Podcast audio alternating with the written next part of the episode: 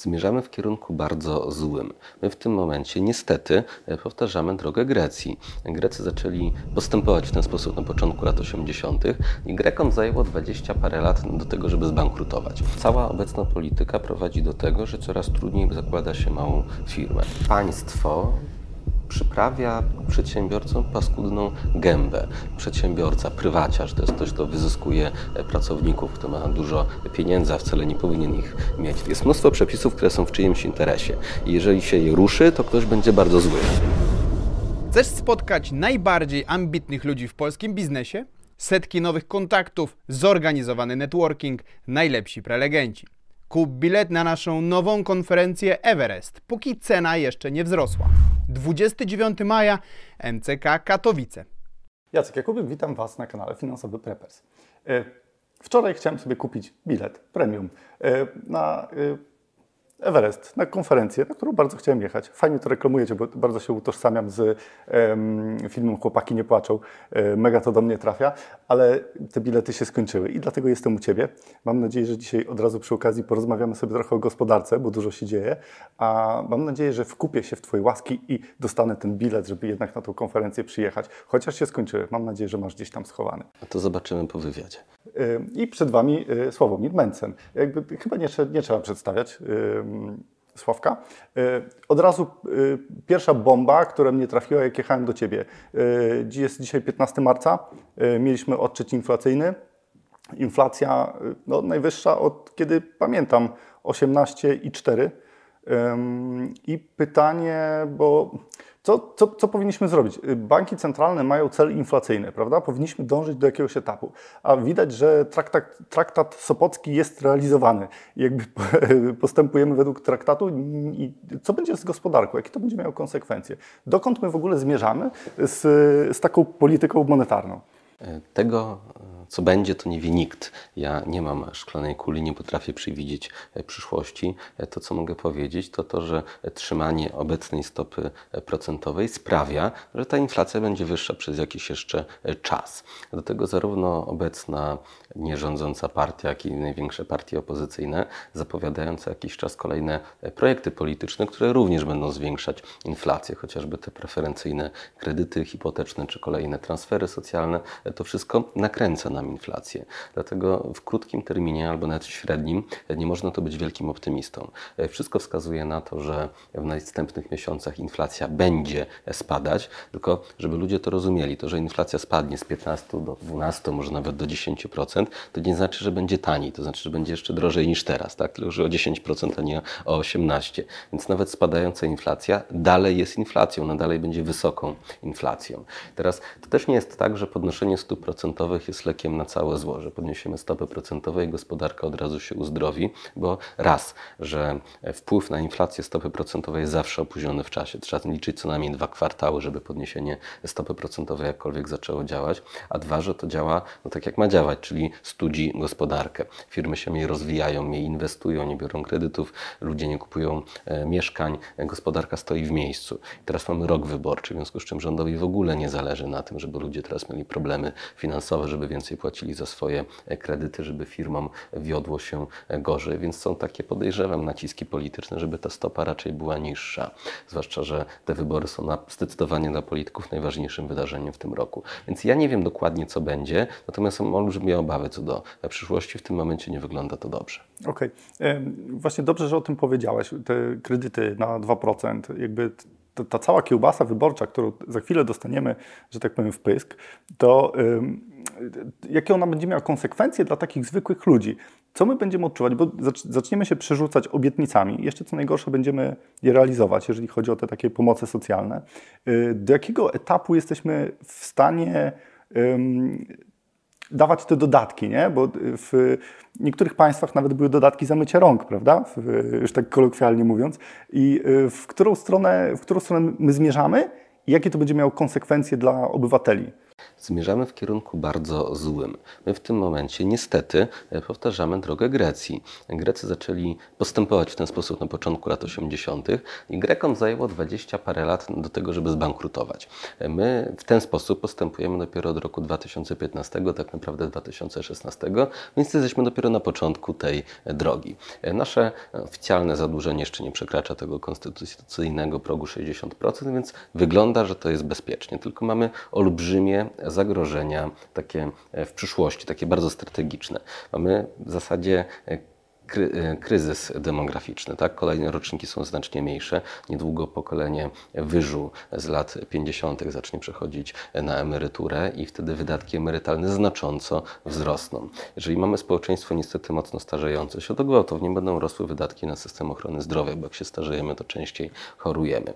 Na to nakłada się ta rewolucja mm, energetyczna płynąca z Unii Europejskiej. Mamy przesiąść się na samochody elektryczne, mamy przesiąść się na zupełnie inne sposoby produkcji prądu, które są dużo droższe niż e, obecne nasze sposoby. Mamy mieć tą dyrektywę, która zmusi Polaków do remontów mieszkań. E, przymusowo ludzie będą musieli remontować swoje mieszkania, przebudowywać je, więc czekają nas w przyszłości olbrzymie wydatki.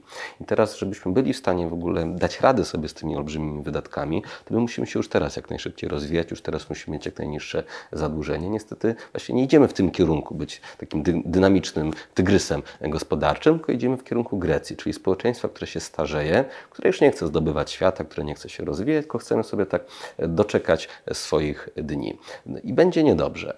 Polacy coraz częściej uczą się tego, że ich poziom życia w sumie to nie zależy od nich, że państwo im zawsze dołoży, że chcą telewizor, to państwo da na telewizor, na dekoder, na wakacje, na wyprawkę dziecka i te kwoty robią się coraz większe.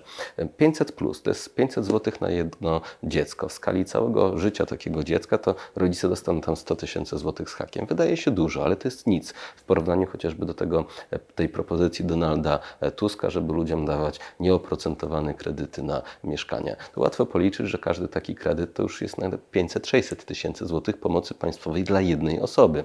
Jeżeli ta jedna osoba będzie jeszcze miała dwójkę dzieci, to zbliżamy się teraz do miliona, które państwo musi przekazać e, takiemu człowiekowi. Pytanie, kto za to zapłaci? No my za to zapłacimy, a żebyśmy mogli za to zapłacić, no to podatki znowu będą musiały iść do góry, będą zniechęcały do tego, żeby tu zakładać firmy, się rozwijać. Więc obecny kierunek podnoszenia podatku, zwiększania e, świadczeń socjalnych prowadzi nas na taką wielką lodową górę, ten nasz e, Titanic i pytanie, jak szybko się e, rozbijemy. No i na razie jeszcze nie wygląda to najgorzej, ta orkiestra gra, a jak długo grać będzie, no to wszyscy zobaczymy. Wczoraj wróciłem sobie do materiału, który nagraliśmy kiedyś z panem Romanem Kluską i on wtedy opowiadał o czasach, kiedy zaczynaliśmy gospodarkę wolnorynkową, było mało przepisów, więc przedsiębiorca mógł się skupić na prowadzeniu biznesu, a nie na tym, żeby odnaleźć się w gąszczu przepisów i podatków i e, kombinować, jak nie podpaść do, do Urzędu Skarbowego.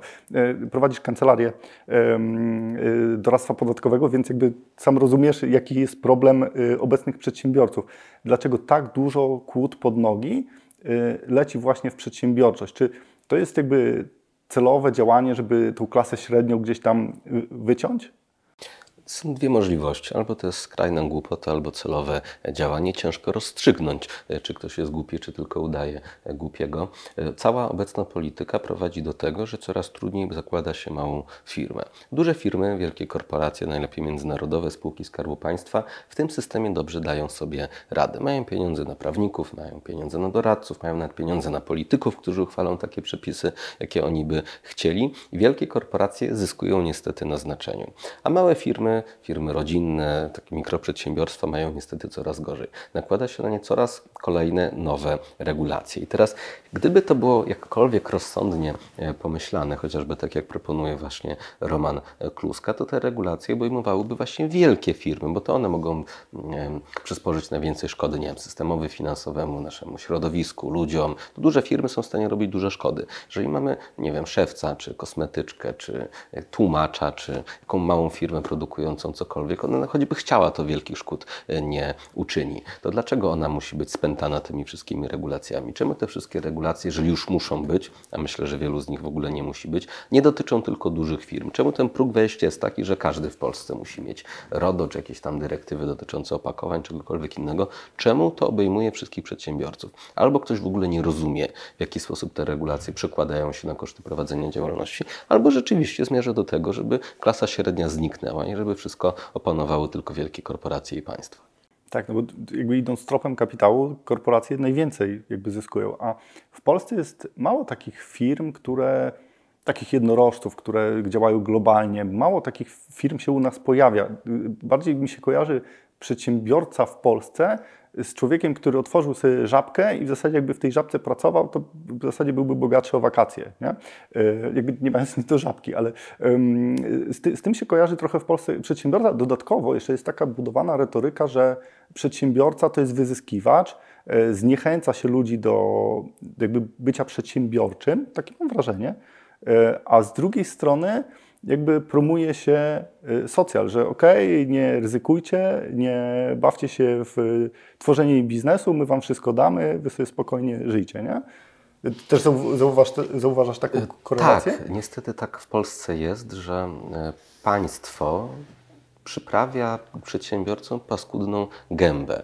Przedsiębiorca, prywaciarz to jest ktoś, kto wyzyskuje e, pracowników, kto ma dużo pieniędzy, a wcale nie powinien ich mieć. To jest taki Janusz biznesu, który w ogóle się niczym nie interesuje, na niczym się nie zna, tylko mówi ludziom, e, co mają robić i zarabia w sposób niesłuszny pieniądze. W sporej mierze to jest też wina wielu przedsiębiorców, bo rzeczywiście w Polsce łatwo zarobić pieniądze, jeżeli się ma dobre kontakty z politykami i przez co ludzie nie doceniają tego, że ten taki przedsiębiorca naprawdę dużo daje od siebie. No dla porównania w Stanach Zjednoczonych przedsiębiorca to jest bohater lokalnej społeczności, który tworzy miejsca pracy, który tworzy dobrobyt, to jest tam ktoś, kogo należy raczej podziwiać. No spójrzmy na e, postacie z e, popkultury. W Stanach Zjednoczonych Batman czy Iron Man to są przedsiębiorcy, tak? A w Polsce mamy jakiegoś Janusza Tracza, e, czy jakiegoś tam inną postać, która nie jest zbyt pozytywna. Albo Janosik jest na pozytywnym bohaterem, więc u nas pokazuje się przedsiębiorców źle, a na Zachodzie, znaczy w Stanach Zjednoczonych pokazuje się ich dobrze. I to ma bezpośrednie przełożenie też na warunki prowadzenia działalności gospodarczej.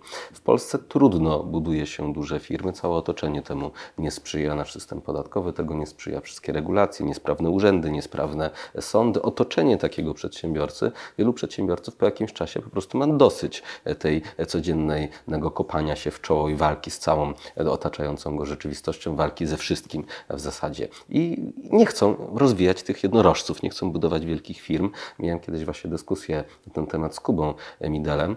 E, on mówił, że to jest dobre, że przedsiębiorca powinien się nauczyć tego, że ma już ten dom, dwa samochody, kasę na wakacje i nie powinien chcieć iść wyżej, bo jak masz większą firmę, to tylko więcej ryzyka, więcej roboty, a kasy wcale więcej z tego nie ma. Ja właśnie mam zupełnie inną optykę. Uważam, że potrzebujemy ludzi, którzy chcieliby zbudować wielkie firmy, którzy podjęliby to ryzyko, którzy mieliby jakąś wizję i chcieli ją zrealizować, żeby nie koncentrowali się właśnie tylko na tym domu, na tych samochodach, na tych wakacjach, tylko chcieli zmienić świat, chcieli zmienić coś e, w tej naszej rzeczywistości. I właśnie o tym e, chciałbym, żeby mówili moi goście na Everestie. Zapraszam tam właśnie przedsiębiorców, którzy osiągnęli wielkie sukcesy i chciałbym, żebyście podzielili swoją historię, powiedzieli, jak to zrobili i zachęcili innych do tego, żeby również wchodzili na sam szczyt.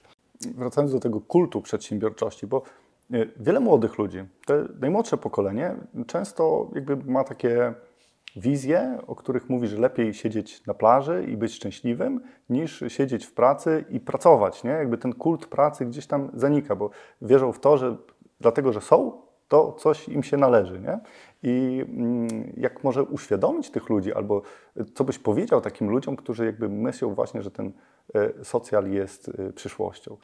Pytanie, co to są za ludzie? Rzeczywiście obecnie na rynek pracy wchodzi pokolenie, które ma trochę inne oczekiwania e, od swoich starszych e, kolegów, natomiast te oczekiwania są bardzo szybko e, konfrontowane z rzeczywistością. To wystarczy pierwsza, druga, trzecia rozmowa kwalifikacyjna, żeby taki człowiek zrozumiał, że świat wygląda inaczej niż mu się wydawało. Nawet jak dostanie pracę, to od razu się orientuje, że no jednak trzeba coś od siebie do tej pracy włożyć. Więc ci ludzie są bardzo szybko weryfikowani przez rzeczywistość. Młodzi ludzie bardzo często mają wrażenie, że pieniądze to im spadną z nieba. Nie wiem, czy całe życie będą rodzice im fundowali wszystkie rzeczy, czy właśnie państwo, e, a pracodawca to jest ktoś od komu należy dać minimum tego, co, co można i za bardzo się nie wychylać. Uważam takie postrzeganie swojej kariery zawodowej za bardzo szkodliwe, przede wszystkim na ludzi, którzy w ten sposób myślą. Jeżeli ktoś się nie będzie starał, jeżeli komuś nie będzie zależało na pracy, jeżeli ktoś nie będzie jej wykonywał z pasją, to nie zrobi żadnej kariery zawodowej i nigdy nie będzie zarabiał większych pieniędzy i na tej plaży to nie wiem, kiedy będzie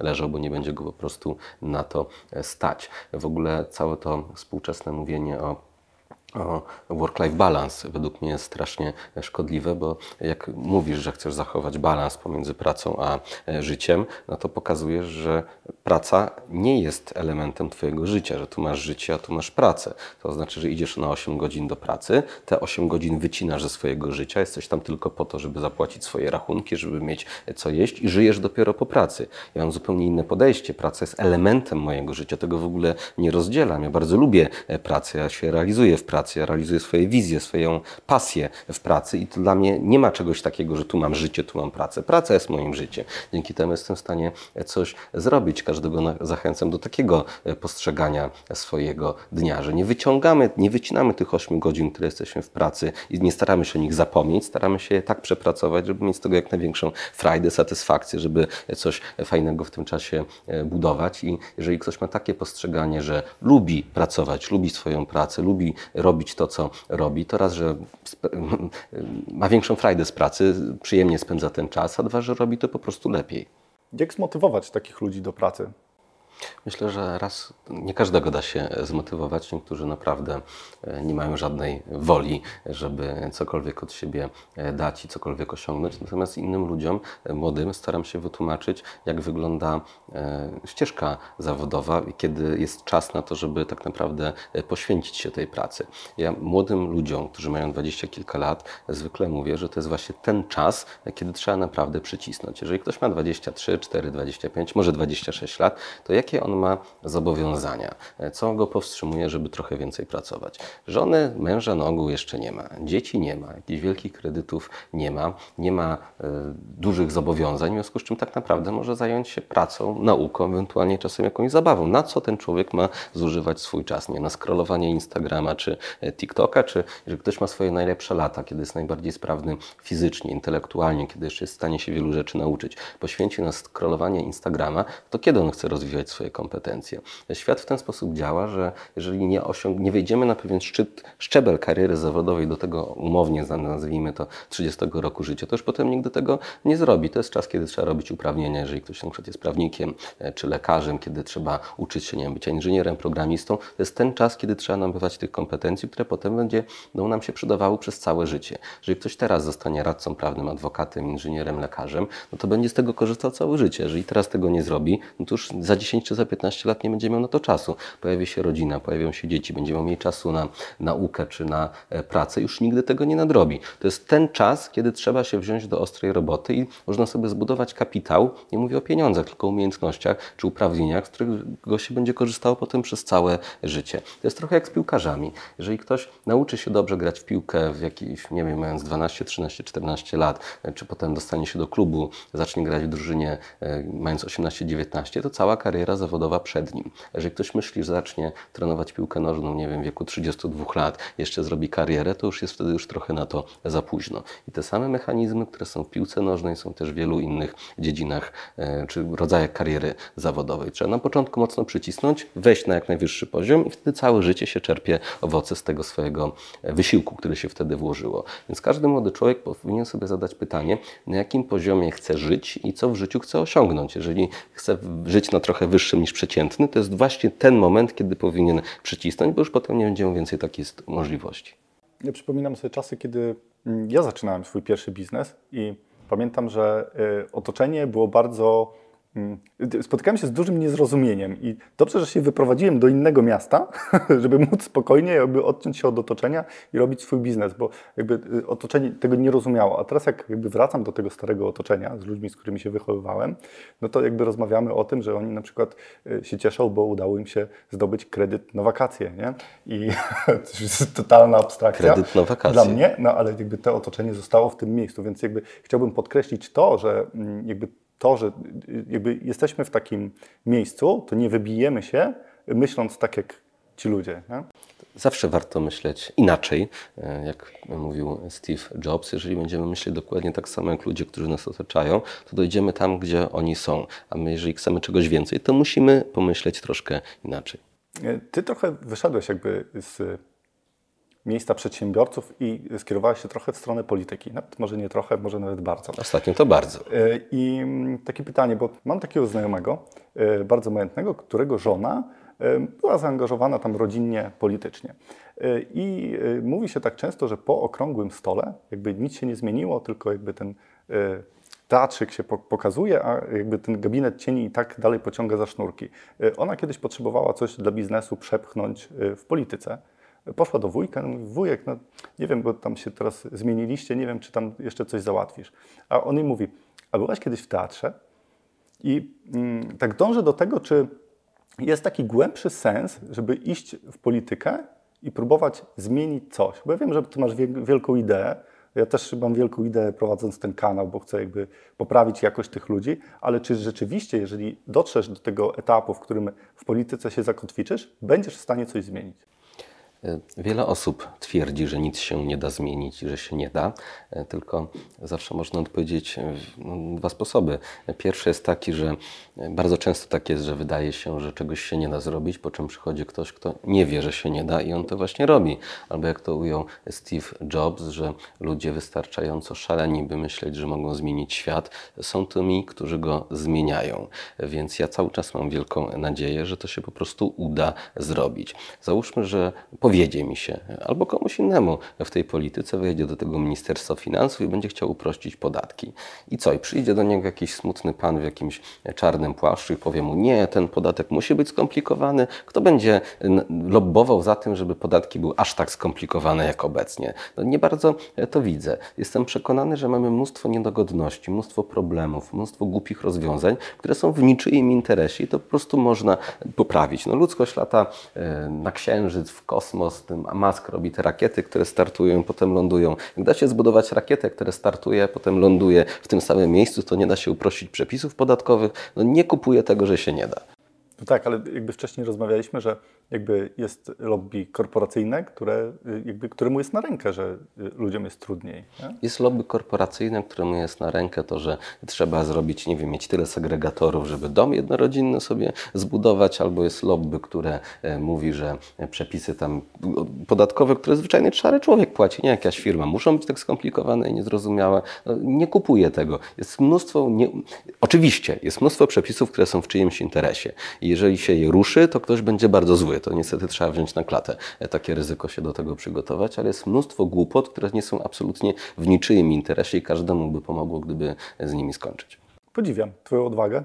E, I e, w zasadzie, jeżeli chcielibyście się znaleźć w otoczeniu fajnych przedsiębiorców, ludzi, którzy chcą coś więcej od życia, nie tylko dostać kredyt na wakacje, to ja zapraszam na konferencję Everest. Jeżeli klikniecie sobie w link w opisie, to myślę, że będę miał większą kartę przetargową, żeby wyciągnąć od Ciebie bilet.